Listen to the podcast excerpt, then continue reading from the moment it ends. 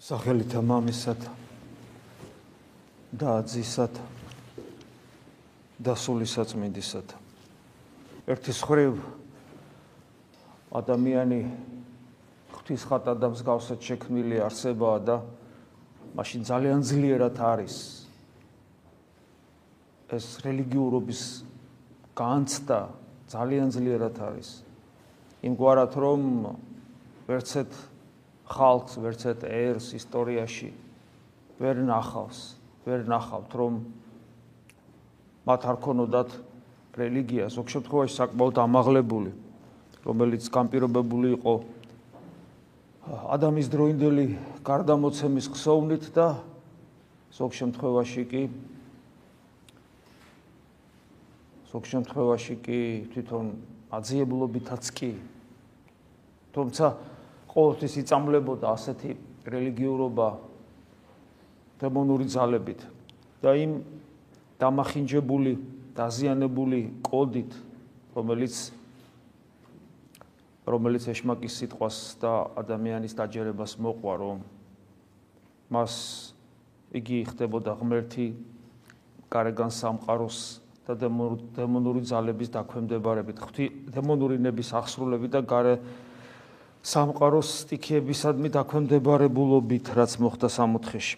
მაგრამ ასეა თუ ისე ადამიანში ეს რელიგიური ტრანსცენდენტული ღმერთის ტრანსცენდენტული ყოფიერების იმპულსი ძალიან ძლიერად არის.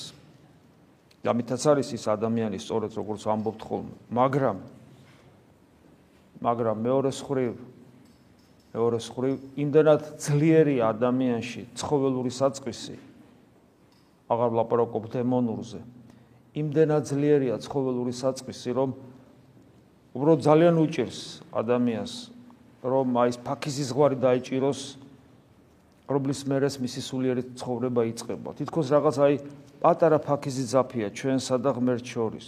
იმ დონეზეც, რომ ზოგ შემთხვევაში და ჩვენ ვიცით, ვინცაც საბჭოთი გამოგვივლია, ზოგ შემთხვევაში აი როგორც რელიგიურობა ბუნებრივი ადამიანისათვის თუ ადამიანი დემონურ, ათეისტურ, ბოლშევიკურ, რაც გნებად დაარქვით, ლიბერალურ წნეხში მოექცევა, რომელიც იდეოლოგიად გადაიქცევა და იდეოლოგია არის ყოველთვის ძალადობით ძალადობრივი ინსტრუმენტი. ის რაც იყო ბოლშევიზმის დროს, ის რაც არის თქვა დღეს ზოგიერთ ქვეყანაში არსებობს, ასევე თანამედროვე ულტრა ლიბერალიზმი. ეს არის ფაქტო ფაქტიურად ძლავრი იდეოლოგიური მანქანა, რომელიც სრულად ახდენს რეალიზებას ამას სოფლის მზაკრული სულისა და ასეთი წნეხის ქვეშ რო ექცევიან ადამიანები შესაბამისად ჩვენ ღებულობთ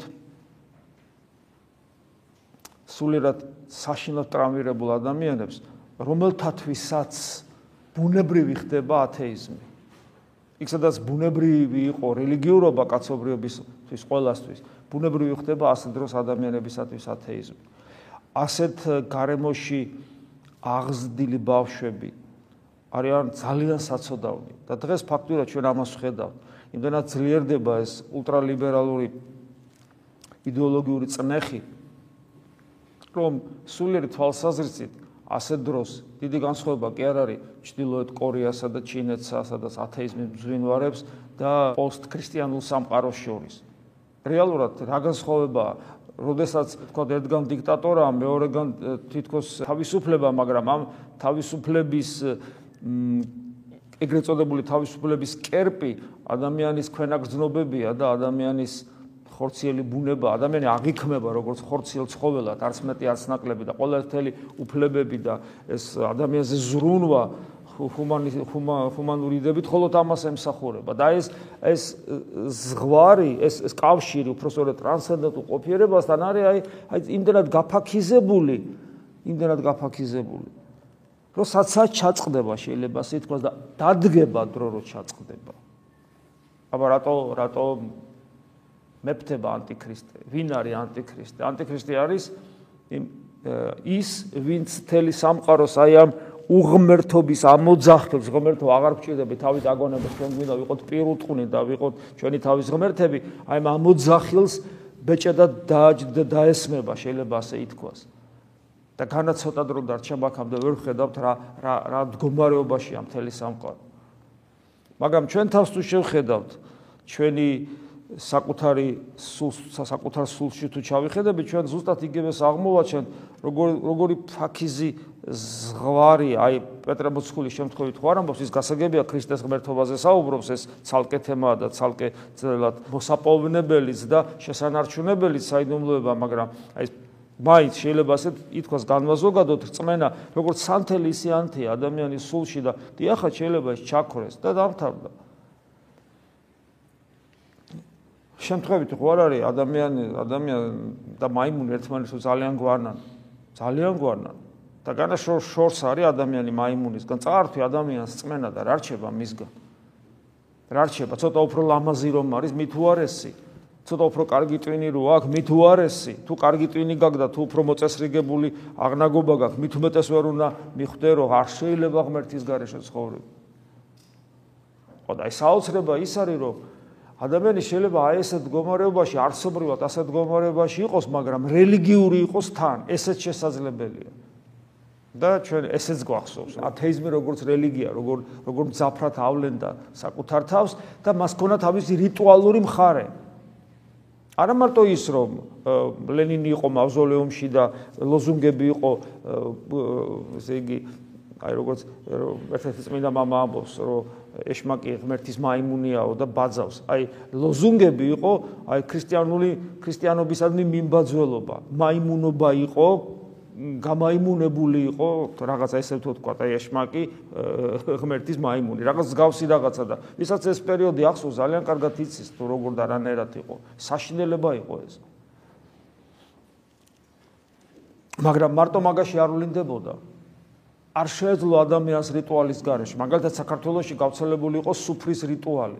არა ის აკადემია ქართული სუფრა, სადაც თქვათ რაღაცა ადამიანი გაიგებდა. რაღაც ალბათ ეგეც ეგეც იყო ცოტა დარჩენილი, მაგრამ ოდესაც ქართული სუფრა გადაიქცა ღრეობის მიზეზად, იქცა ღრეობის მიზეზად და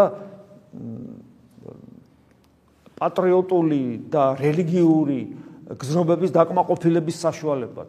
და სინამდვილეში სინამდვილეში როცა იყო ეს შეჯიბრი თრობაში, ვინ უფრო მეც დალევდა, ვინ უფრო დიდყანს დალევდა, ვინ უფრო ვედროთი დალევდა, რაღაცა ათასნაირი რაღაცებიც გახსოვთ ეს პერიოდი, ყოველას ახალგაზრდებს არის კატასტროფა ხდებოდა. დღეს ნარკომანებს უყურებთ და ვამბობთ რა საშნელ დღეშია აბა მაშინ რა იყო? რეებით აღარ სვავდნენ ლამფის შუშებით და ესე იგი კატლეტის მანქანებით და თოფის ლულებით და ქალის ფეხსაცმლით და ათასნაირი ჭურჭლით და გაჭრილი საზამთროთი და მიწაში აქცევ ორმოსხდენ და იქ ასხავდნენ ზღვინო და იქიდან სვავდნენ დაავადებული იყო ქართველიერი. და ეს მეორე ორმაგი სტანდარტი არსებობდა. ესე იგი სუფრაზე სამშობლო სალოცავები და სამსახურში პრინცავარდნილი ათეისტები ცხოვრების წესითაც. ესეც რიტუალი იყო და კიდევ აი ეს რიტუალი რომელიც ახლა რამდენიმე დღეში დადგება ეს ახალწლის რიტუალი, ეს ახალწლის ეს აი ამგვარი აღტკინებული ახალწლის აი ამგვარი ლამის აი მე არ ვიცი რელიგიურ ფანატიზმამდე ასული აღნიშნა ჩვეულებრივი რიტუალური მხარეა. ჩვეულებრივი რიტუალია ეს. არანაირი კავშირი საერთოდ ტრადიციულად ეხა ხო ვიცით, არც ნაძვის ხეს, არც რაღაც აი ამ თოვლის ბაბუებს თუ რა როგორც არის ალენე კავშირი კალენდარულ ახალწელთან არ ქონდა. ეს იყო შობის რაღაც აღნიშნული ბავშვებისთვის რაღაც გამოშვენებელი რად იქცა ეს საერთოდ. და ეს ათეიზმის დანატოვარია. და ჩვენ რო ვერ ვიცილებთ ამას და ვერ ჩვენ და თელი პოსტ საბჭოთა სივრცე რო ვერ ვიცილებთ აი აი ამ ახალწლის ამგვარ დემონურ აღტკინებამდე მისულ აღნიშნას, რომ აი არ ვიცი, რა ვისვრით და რებს აღარ ვაკეთებ და ვთრებით და ეს ნიშანია იმისა, რომ ჩვენი ათეიზმიდან არ გამოვსულვართ. არ გამოვსულვართ. და ის ზღვარი, ეს ფაქიზის, ამას კიდე პლუს ულტრალიბერალიზმი დაემატა თავისი ყოველგვარი ზნეობრივი აღვირახსნილობით, დიახაც ეს მოსდევს ლიბერალიზმს, ულტრალიბერალიზმს. რატო ამბობ ულტრას? იმიტომ რომ ილია ჭავჭავაძეც ლიბერალად არის მიჩნეული. და იყო კიდევაც იმ დროინდელ რეაქციულ საზოგადოებაში ილია ჭავჭავაძე ლიბერალი, მაგრამ აი ეს ეს უბედურება ეს რომელიც თავს ავლენს როგორც უკიდურესი ზნეობრივი რაღვირახსნილობა ემატება ამ დარჩენილ ათეიზმს, რომელიც აი ამ ახალწლის კულტში ვლინდება ყველაფერს თავი რო დავანებოდ. ყველაფერი ეს და ეს აღზდის ეს და განათლების ეს სისტემა რო აი ხო ჩვენ გვგლებმა დამეთახმებიან უამრავი ახალგაზრდა და ბავშვი მოდის და ჩვენთან ხო მოდის როგორი? ჩვენთან მოდის ისეთი ვის გულსაც ღმერთი შეეხო. ან ისეთი რომელიც ქრისტიანულ ოჯახში არის აღზრდილი ხო? ესე იგი დეგრადირებულია თანამედროვე აღზრდის განათლების სისტემის მიერ ახალგაზრდები. წერა კითხვა წესიერად არიციან ფსიქიური ფსიქიკა ნორმალური არა აქვს. ამას დაემატა ეს გავრცელებული მარიხუანა და კატასტროფის წინაშე ვდგავართ. საქართველოს და მთელი სოფლიოს მე მგონი ასე. და აი ამ დროს, ამ დროს როგორ გინდა შეინარჩუნო ის ყველაზე მნიშვნელოვანი რითაც ჩვენ ადამიანები ვართ. ცოცხალი ღმერთის წმენა, განკაცებული ღმერთის წმენა საკუთარ თავში. რომ ეს ფაქიზი კავშირი ჩვენსა და სამყაროს შემოქმედს შორის რო არ გაწყდეს და ის სანთელი რომელიც ჩვენს გულშია რომ არ ჩაქრეს და ჩვენ ვიყოთ მაგალითნი მე ვერავის ვერ აუნთებ იმ სანთელს და ვერავის ვერავის ესე იგი ვერ აიძულებ რომ ქრისტიანი იყოს მაგრამ ერთადერთი ინსტრუმენტი ჩვენ ხო ვიცით რა არის რომ ჩვენ შევინარჩუნოთ ქრისტიანობა ჩვენში ეს სანთელი რომელიც ცოტათი მაინც ანათებდეს თუმთლად მზე არა რომ იყოს სამაგალითო სხვებისთვის და ჩვენი შვილებისათვის და ჩვენი შვილიშვილებისათვის და მომავალი თაობებისათვის. თორე პასუხი მოგოთხოვება ღვთის წინაშე. აი როგორ ამბობს დღეს უფალი დღევანდელ სახარებაში რომ ჩემს გამო ესე იგი საწამებლად მიგიყვა საწამებლად ანუ დასამოწმებლად ანუ ჩვენ ეს რას ნიშნავს? განვაზოგადოთ, ჩვენ თავზე მივიღოთ, ხო? ჩვენ ახლა დღეს არ გვდევნიან, თუმცა ხვალე კაცმარიცის რა იქნება. მაგრამ ის რომ ამ სამყაროში ვიმყოფებით, ჩვენ ვართ საწამებლად ამ სამყაროში, ანუ დასამოწმებლად. საწამება მაინდა მაინც ტანჯვას აღნიშნავს. ეს არის სიტყვა მოწმობა. დასამოწმებლად რისი? იმისა რომ იესო ქრისტე ღმერთია. როგორ? შინაგანი ჩვენი მდგომარეობით პირველ რიგში. დოფალი გვავალდებულებს ამას რომ თქვენ უნდა იყოთ ამგვარნი მოწამენი ჩემი. ეს ვალდებულებაა ჩვენი და ასე დროს ადამიანში ღმერთი ყვიდრობს და ამბობს უფალი დღევანდელ სახარებაში გახსოვთ ლუკას სახარებაში რომ ასეთი ადამიანი როდესაც მას უნდა რომ დაამოწმოს ჭეშმარიტება ის სიტყვას არ ეძებს იმიტომ რომ ღვთის სულია მასში და ის მეტყველებს ანუ ვისაც სული ქრისტესი არ აქვს ის რომ მისი არ არის ხოლო ვის ქრისტიანია მას ქრისტეს სული რო უნდა ქონდეს ქრისტეს გონება რო უნდა ქონდეს. ეს არის რეალურად ანუ ჩვენთვის ჩვენთვის ქრისტიანობა არ არის თეორია ჩვენთვის ქრისტიანობა არ არის რაღაცა წავიკითხე და გავიგე. ეხლა მე აი წმინდა წერილზეც გეტყვით პავლე ბოცხული საოცრად საუბრობს წმინდა წერილზე მაგრამ წმინდა წერილიც წმინდა წერილიც არ არის მოწყვეტილი მთავარ საიდუმლოებას ასაც ღმერთთან სოცხალი კავშირი ქვია აი მაგალითად აი დღეს ეუბნებოდა ტიმოთეს რომ მთელი წერილი ღვთივსულიერია და სარგებელია სამოძღვრებლად ანუ სასწავლებლად. ეს ნიშნავს იმას რომ პავლე მოციქული ტიმოთეს არიგებს ტიმოთეს როგორც მის მიერ ხელდასმულ ეპისკოპოს რომელმაც უნდა სხვებს სასწავლოს და სხვები აღზარდოს და ფაქტობრივად ყველა ჩვენს გველაპარაკება და გვეუბნება ჩვენ პავლე მოციქული რომ წმინდა წერილი არის ძალიან სასარგებლო რომ ვისწავლოთ რა ვისწავლოთ? ქრისტიანობა ვისწავლოთ. სამხილებლად ვის სამხილებლად პირველ რიგში რა თქმა უნდა საკუთარი თავის ჩვენ ვიმხილებით წმინდა წერილისგან. ანუ წმინდა წერილი რას ნიშნავს ვიმხილებით აი რომ ამბობთ ხოლმე ადამიანი ქრისტიანობას კომფორტის ზონიდან გამოყავს. არასასიამოვნოა ჩვენი დაცემული ბუნებისათვის წმინდა წერილი რატომ იმიტომ გაურბის ადამიანი აი რატომ არ უნდა წმინდა წერილი ხშირად ვამბობთ 2000 წელი 2000 წელი უამრავი ღვთივ გამზნობილი წმინდა мама განმარტავს წმინდა წერილს მაგრამ მიუხედავად ამისა ის ამოუწურავია და არ ვთავდება მისი განმარტება ესე იგი საინტერესოა ხო ეს ერთი მეორე ქრისტეზე მშვენიერი ამ სამყაროში არაფერია თვით ურწმუნოების კი აღიარებენ ქრისტეს სიდიადეს ვერ ხვდებიან ვერ ხვდებიან რა თქმა უნდა ურწმუნო ქრისტეს ღმერთობის რო არჯერ როგორ ხვდება მაგრამ აი რაღაც რაღაცა რაღაცა არის მე ქრისტე ყოველასთვის რაღაცაა ნუ იშვიათი გამონაკლისის გარდა. სხვა რელიგიის წარმომადგენლებისთვისაც კი. მოკლედ ყველა აღიარებს ამას. და ჩვენ ქრისტიანები ამ დროს ვერ ვკითხულობთ და რატო ვერ ვკითხულობთ? ეს ქვეცნობიერი უარყოფაა ქრისტეს. იმიტომ რომ იმხილება ჩვენი ბუნება, ჩვენ ბუნებას არ შეუულია ეზარება, არ უნდა გაურბის. როგორც მწარე წამალს, მაგრამ ეს წამალი სასიცოცხლოდ მნიშვნელოვანი წამალია. ამიტომ არის სამხილებ და რატო გაურბეს? იმიტომ რომ ეს ზუსტად იმიტომ რომ სამხილებელია. ჩემი მხილება ხდება. ჩემი დაცემული ჰედონისტური ბუნება ვერ გუობს წმინდა წერილის წმინდა წერილში ნაჩვენებ გამჟღერებულ ღვთის სიტყვას, იმიტომ რომ ეს ეს ის სიტყვებია, რომელმაც galaktikები შექმნა და ეხლა ადამიანურ ენაზე ფაქიზად თითქოს შემოდის შემში, მაგრამ მე ამასაც ვერ ვიტან. ეს ის გომარეობა ადამი და ევა ხეების უკარო ღმერთს ემალება. აი ვემალებით არ გვინდა. ახლაპარაკია ჩვენზე ქრისტიანებზე და ეხლა არაქრისტიანს რა მოვთხოვ. გამოსასწორებლად, განსამართლებლად ანუ არა მარტო სამხილებლად, არამედ იმისათვის, რომ რეალურად გამოვსწორდე. გამოვსწორდე და სიმართლის შესაგონებლად.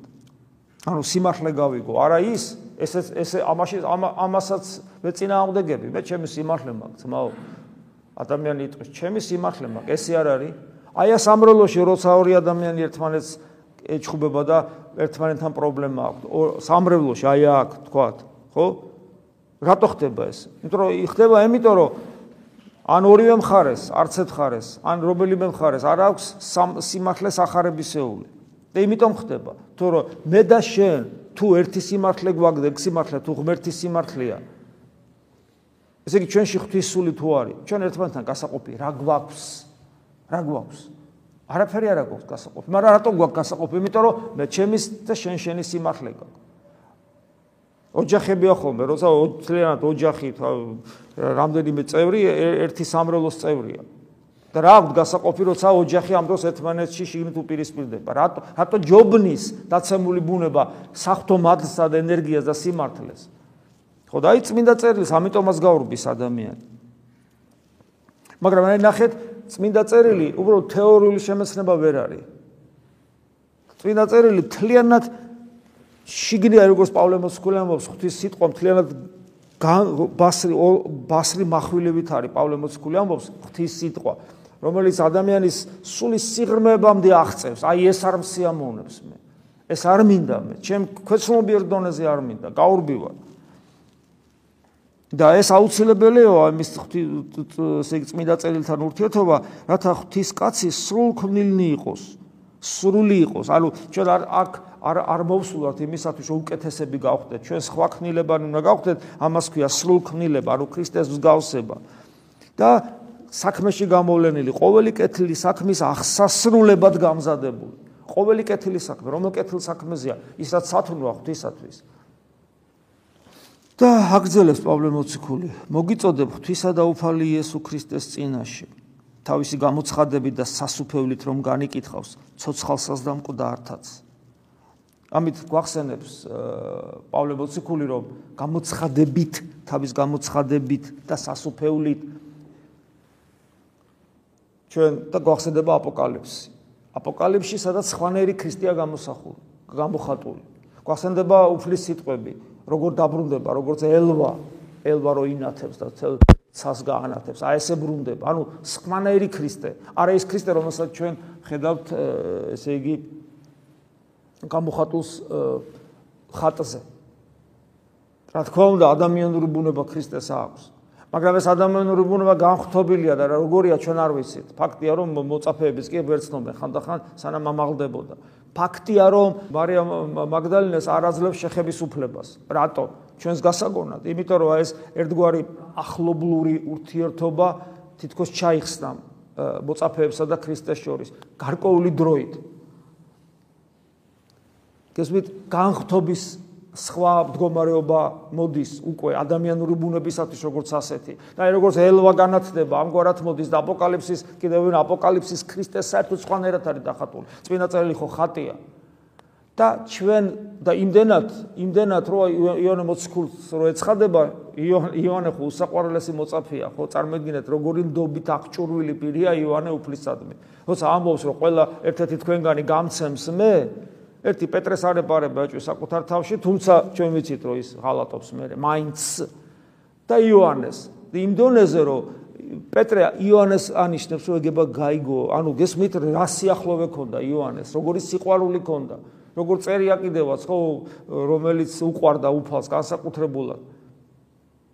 და როგორც კი ხმას გაიგონებს უფლისას გამოცხადებაში დაემხობა შეშინებული. გესმით ვის წინაშე უნდა წავსდგეთ. და ამიტომ არის, ამიტომ ხას უსვავს ამას.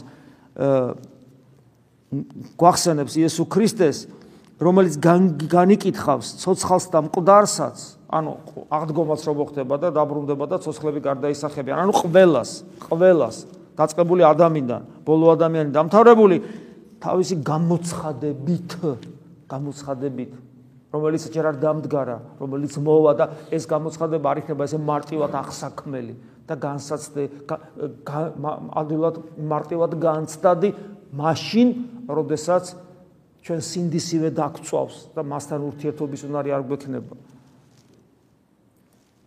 და მე ტიმოთეს ეუბნება რომ როგორი მოძღვროს იქადაგე სიტყვა იქადაგე სიტყვა თავს ადეკ ანზე და ადეკ ძველ ქართულად ჟამითი უჟამოთ ამბობს ანუ დროის თითქოს დრო რო არ არსებობს. არ არსებობს შენთვის განწესებული დრო. ქროპირიასი ამბობს, რომ ყველა საქმე საქმიანობა სამქვეყნიურ რაღაც თავის დრო აქვს, ხოლო ღვთის სიტყვის ქადაგებას დრო არ აქვს. როგორც კი ამის საშუალება მოგეცემა ყველგან ყოველთვის უნდა და ღვთის სიტყვის ქადაგება ეს არ არის უბრალოდ რაღაც რაღაც რაღაცის მოყოლა. სიტყვას ძალა უნდა ახლდეს. ძალა რო ახლდეს, ხადაგებლას უნდა კავშირი კონდეს და ის ფაქიზი კავშირი უნდა იყოს მყარი, თორე სხვაგვარად მის სიტყვას არაფრის ფასი არ აქვს. ეგრე ციგნები არსებობს და წაიკითხავ. ეს მით აი ეს ეს ძალიან მნიშვნელოვანია, ამიტომ მეუნება ჟამითი ჟამითი უჟამოდ. ანუ დრო დროულად უდროოდ და ეს ხადაგება ესეთია, ამხილე შერისხე შეაგონე ამხილე შერისხი, ანუ აჩვენი ადამიანებს რო დაცილებულები არიან ღმერთს, ღმერთს. გარკვეულად შიშიც უნდა კონდეთ, იმიტომ რომ იცოდნენ ვის წინაშე უნდა წარსდგენ, მაგრამ ამავე დროს შეაგონე დიცულოვნებით და ასევე მოძღვრებით, მოძღვრ დიდ სულგძელებით, თან სიყვარულიც, იმიტომ რომ ღმერთი ამავე დროს სიყვარულია. და მით უმეტეს დრო მოდის ისეთი აწეღა რა დროზე საუბრობდით, დრო, დრო, რომელიც როცა ჩვენ ხედავთ როგორ როგორ სიფრიფანა ხდება ეს კავშირი ჩვენსა და ჩვენსა და ტრანსცენდენტულ ყოფიერებას შორის. და ეს მაგალითად ქრისტიანებში იმაში ვლინდება, რომ ქრისტიანებს არ უყვართ ღვთისმსახურება. ხშირად არის ხოლმე ადამიანს ღდლობა უნდა და ვეუბნებით, რომ ერთ-ერთი მთავარი ნიშანი თუ ღდლობა გინდა, ეს არის სიყვარული ღვთისმსახურებისა. იმიტომ რომ მე მქონია ამის მაგალითები, როდესაც ადამიანებს უთქვიათ, რომ აი ღლობა უნდა და სწავლობს ამ აკადემიაში ან სემინარიაში ღლობა უნდა და ღვთისახურება არ უყვარს. ესე იგი ადამიანი მისთვის ყველაზე ძვირფასი უნდა იყოს ღვთისახურება და რა თქმა უნდა ზიარებას გულისხმობ და რა თქმა უნდა ლოცვა.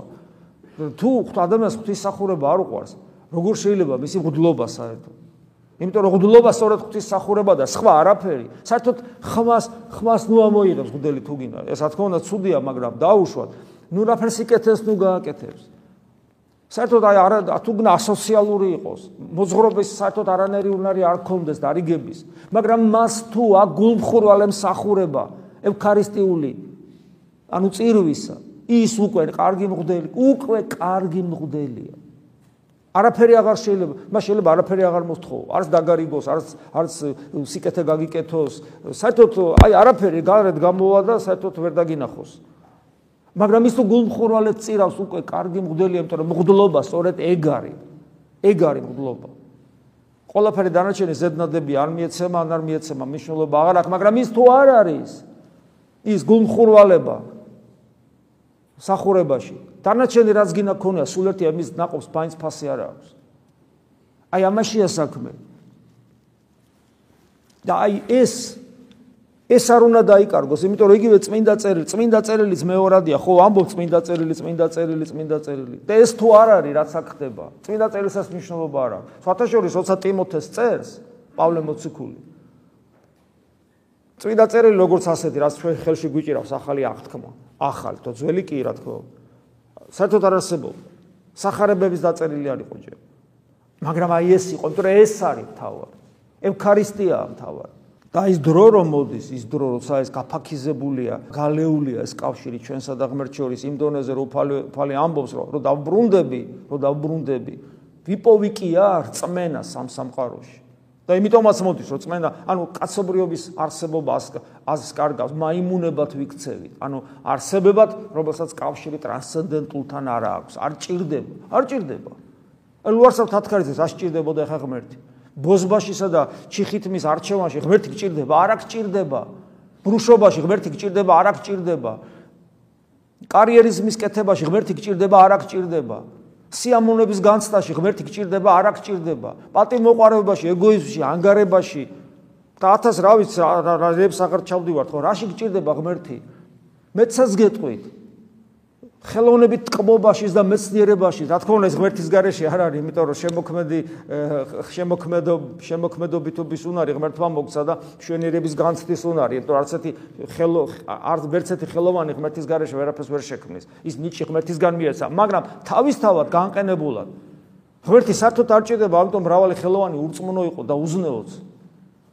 ღმერთი არ ჭირდება ადამიანს, არაფერში არ ჭირდება ღმერთი ამ ქვეყანაზე ცხოვრებისათვის. იმიტომ რომ როგორც არ უნდა ღმერთი მას ეხმარებოდეს და ეხმარება ყველა ჩიტებს ეხმარება და ადამიანს არ დაეხმარება, რაც არ უნდა უჯილო იყოს, მაინც მოკვდები და დამთავრდება. და ეს დრო დადგა ზუსტად. ღმერთი აღარ გჭირდება. აღარ გჭირდება და რელიგიაც ჩვენთვის სიამოვნების წყაროთ იქცა. ოღონ არა არა იმ სიამოვნების, რომელიც სიამოვნებას არ ამიწიერია და არ ამქვეყნიურია, არამედ სხვა ტიპის სიამოვნების და აი ამას ამბობს. პავლე ეუბნება რომ რადგანაც მოვა დრო, მოვა დრო. როცა აღარ გაიზიარებენ ამ მასულდგმულებელ, ანუ სიцоცხლით ახსავსე მოძღვრებას, რასაც ქრისტიანობა ქვია. მოვა დრო, აღარ გაიზიარებენ. პავლეს დროს იყო იყო აღმავლობას, ქრისტიანული მოძღვრების აღმავლობა, აღმავლობა, აღმავლობა და რაღაც დროს დაიწყო დაღმავლობა. და ეხლა ჩვენ დაღმავლობის პერიოდში ვართ. მათ შორის საქართველოში. ნახეთ, ბოლშევიზმის გადაგდება არ გვიშველა. კი, რა თქმა უნდა, დღეს გაცილებით უფრო მეტია მორწმუნე, მაგრამ ნახეთ, თავისუფლებაც რო გაქვს. არანერი თითქოს ეს ძალადობრივი იდეოლოგიური ბოლშევიკური წნეხი არ არის. დღეს რო მორწმუნე გახდე, არავინ არ გდევნის ესე პირდაპირ გაგებით. და ნახეთ, საქართველოსიც, საქართველოსიც როგორი მდგომარეობა. სოფლიოში თავისთავად. და აი რატო? იმიტომ რომ ის დრო დადგა, აღარ გაიზიარებენ მაცოცხლებელ მოძღვრებას, სიცოცხლის მომნიჭებელ მოძღვრებას, არამედ თავიანთი ჟინით შეკრებენ მოძღვრებს. ძველქართულად ესე გვაქვს. არა, არამედ გულის თქმისაებ თავის, ანუ თავისი სურვილის შესაბამისად შეკრებენ მოძღვრებს, ანუ თავის გულის თქმის შესაბამისად მოდი ესე ვთქვა, აი რეალობა რო ჩვენი რეალობა რო ხო. მე ჩემი გულის თქმის შესაბამისად მოვნახავ მოძღვარს. ამიტომ დღესაც ნახავთ, საქართველოსში ნახავთ და სოფლიოშიც ნახავთ. უამრავ ადამიანს, რომელიც უცნაურ ადამიანს ირჩევს თავის მოძღვრად. რომელიც თელი მოღვაწეობა ქრისტეს საწინააღმდეგოა. საქართველოსიც არის მსგავსი მაგალითები. სოფხედელობრივად, კარგი ცხოვრების წეს თავი დავანებოთ. სოფხედელობრივად, სოფხედელობრივად არის აბსოლუტურად რაღაც აი კავშირი ქრისტიანობასთან არა აქვს. აღარ ლაპარაკობ უცნაურ სექტებზე და უცნაურ რაღაც რელიგიებზე. და რატომ ხდება ესე? და განმარტავს პავლე. რატომ რატომ ირჩევენ ესეთ მოძღვრებს? სხვათა შორის აი იმ ტიპის მოძღვრება, როგორც თქვა ფაშიზმი იყო, თქვა, ხო? როგორ მოხდა, რომ ამ ადამიანმა სულ რაღაც 7 წელიწადში, 5 წელიწადში თელი თელი ეს ცივილიზირებული უგანათლებულესი გერმანელიერი საკუთარი დროშის ქვეშ დააყენა. როგორ მოხდა ეს? რატომ მოხდა რომ ნიჩე ესე უყვართ? ფიქრობთ იმიტომ რომ ჭკვიანია? ჭკვიანი იყო კი, თუმცა მარტო ჭკვიანიც არ იყო. მას პრობლემებიც ჰქონდა. იმიტომ რომ მან თქვა რომ ღმერთი მოკვდა და ეს აიტაცა ხალხმა. არ უნდა ხალხს ღმერთი და აი ამის გამო მარქსიზმის იდეებით გატაცება. რატო იყო ესეთი პოპულარული მარქსი? რატო? იმიტომ რომ ყველა ყველა ამის უფლებას აძლევდა კაცობრიობას ესეთი ადამიანები აძლევდა ადამიანებს უფლებას რომ ღმერთი უარეყოთ. ადოლფ ჰიტლერი რო აგზავნიდა ომში ჯარისკაცებს, მას აძლევდა უფლებას, რომ სინდისი ჩახშობილი ქონოდათ. სინდისი, სინდის არ ემუშავა. აი ეს არის და აი ადამიანებს ეს უნდათ, უღმერთობა უნდათ. ამიტომ შესაბამისად ნახულობენ მოძღვრებს და ნახეთ როგორი როგორი ჟინიანობით ეძებენ მოძღვრებს. რათა მათი სიტყვები საამოთ ელამუნოს მაცმენას ძველქართულად კიდევ უფრო კარგად არის თავისი გულის თქმის გულის თქმისაებ თავისა თვისისა შეიკრებენ მოძღვართა ქავილთა ყურთათა საინტერესოა ყურის მომქავებელი მოძღვრება ანუ სასიამოვნო. ქრისტიანობა არ არის სასიამოვნო დაცემული ბუნებისთვის როცა თქვენში ჩლება წინააღმდეგობა თქვენსა და ქრისტე ქრისტეს შორის იცოდეთ რომ თქვენი დასმული ბუნება ითხოვს ყურის მომქავებელ სასიამოვნო მოძღვრებას რომელიც გაამებს გოროსკოპივით წაიკითხავდა ვახ ვახ ვახ ჩემზეა ჩემზეა ნახე ნახე აუ და წკბება ადამიანი რაღაც კაი თვისებებით რომელიც გოროსკოპში აღწერილია და მოსწონს ეს ეს არის თავი და ბოლო ვერ იქნება რა გოროსკოპივით რა წმინდა წელი ქრისტიანობა გამხელს, გამხელს. გაჩვენებს, რომ შენ იღუპები. აი ამას გაჩვენებს, მაგრამ ეს არის რეალობა. და შენ მე ინდომებ, რომ ხეების უკან დაემალო ღმერთს და არ გამოგივა ეს. არ გამოგივა. და მე პავლე მოციქული გეტყვის, მძინარავ გაიღვიძე, გახსოვთ მის ეპისტოლეში. გაიღვიძე ნუგძინავს. ჟამი მოახლოებულ არის. აი ეს პავლეს სიტყვებია, ნუგძინავს. შეხედეთ მოხუც ადამიანებს, რომლებიც 70-ს გადაცდებიან, 80-ს და როცა უღმერთოდ ცხოვრობენ თან, დააკვირდით. დააკვირდით მათ სასოწარკვეთილ თვალებს. გული ტკივილით აგევსება და ვერაფერს შველი, იმიტომ რომ არ უნდა ღმერთი და შენც რო მოგივა აუცილებლად. და თუ ღმერთი რეალურად არა ისე რელიგიურობა ნაშობ თამაშობ თუ რეალურად ჩვენში ღმერთი არ იქნება განცდის დონეზე თქვენს თვალებშიც დაისადგურებს სასოწარკვეთილება და ვერაფერს ვერ უზავ მას ვერაფერს. იმიტომ რომ შენ გაფლანგე ყველაზე ძურფასი დრო როცა შენ გეძლეოდა საშუალება ღმერთისათვის მიგეკვლია შენს თავში მაგრამ ამაზე უარს ამბობდი. გესმით, აი ეს ძალიან მნიშვნელოვანია გვახსოვდეს. და ნახეთ როგორ ამბობს. ყურს აღარ ათხოვებენ ჭეშმარიტებას და ზღაპრებს პირდაპირ ეს წერია. ზღაპრებს მიუბრუნდებიან, მიუბრუნდებიან. რომელ ზღაპარს მიუბრუნდებით? აი იმ ზღაპარს. წინა ისტორიულ პერიოდში რო გაჟღერდა. შენ რას წვალობ თეოდორე? რას წვალობ? აგერ მოწყვიტეში მე დამიჯერე. ეხლა ის შეჭამე. ღმერთის იქნები და სიკეთეს გეცოდინება და ბოროტებას და ყველაფერი კარგად იქნება. აი ის წინა ისტორიული ზღაპარი. ზღაპარი, ტყუილი. რომელიც ჩემში ძლიერ არსებობს, იმას მიუბრუნდები. დაღლილი ქრისტიანობისგან. ღმერთმა დაგვიფაროს ამისა. ამინ. მადლი უფლისა ჩვენისა იესო ქრისტეს და სიყვარული ღვთისა და მამის და ზიარება სული საწმინდისა იყოს თქვენ ყოველთა თანა. ამინ.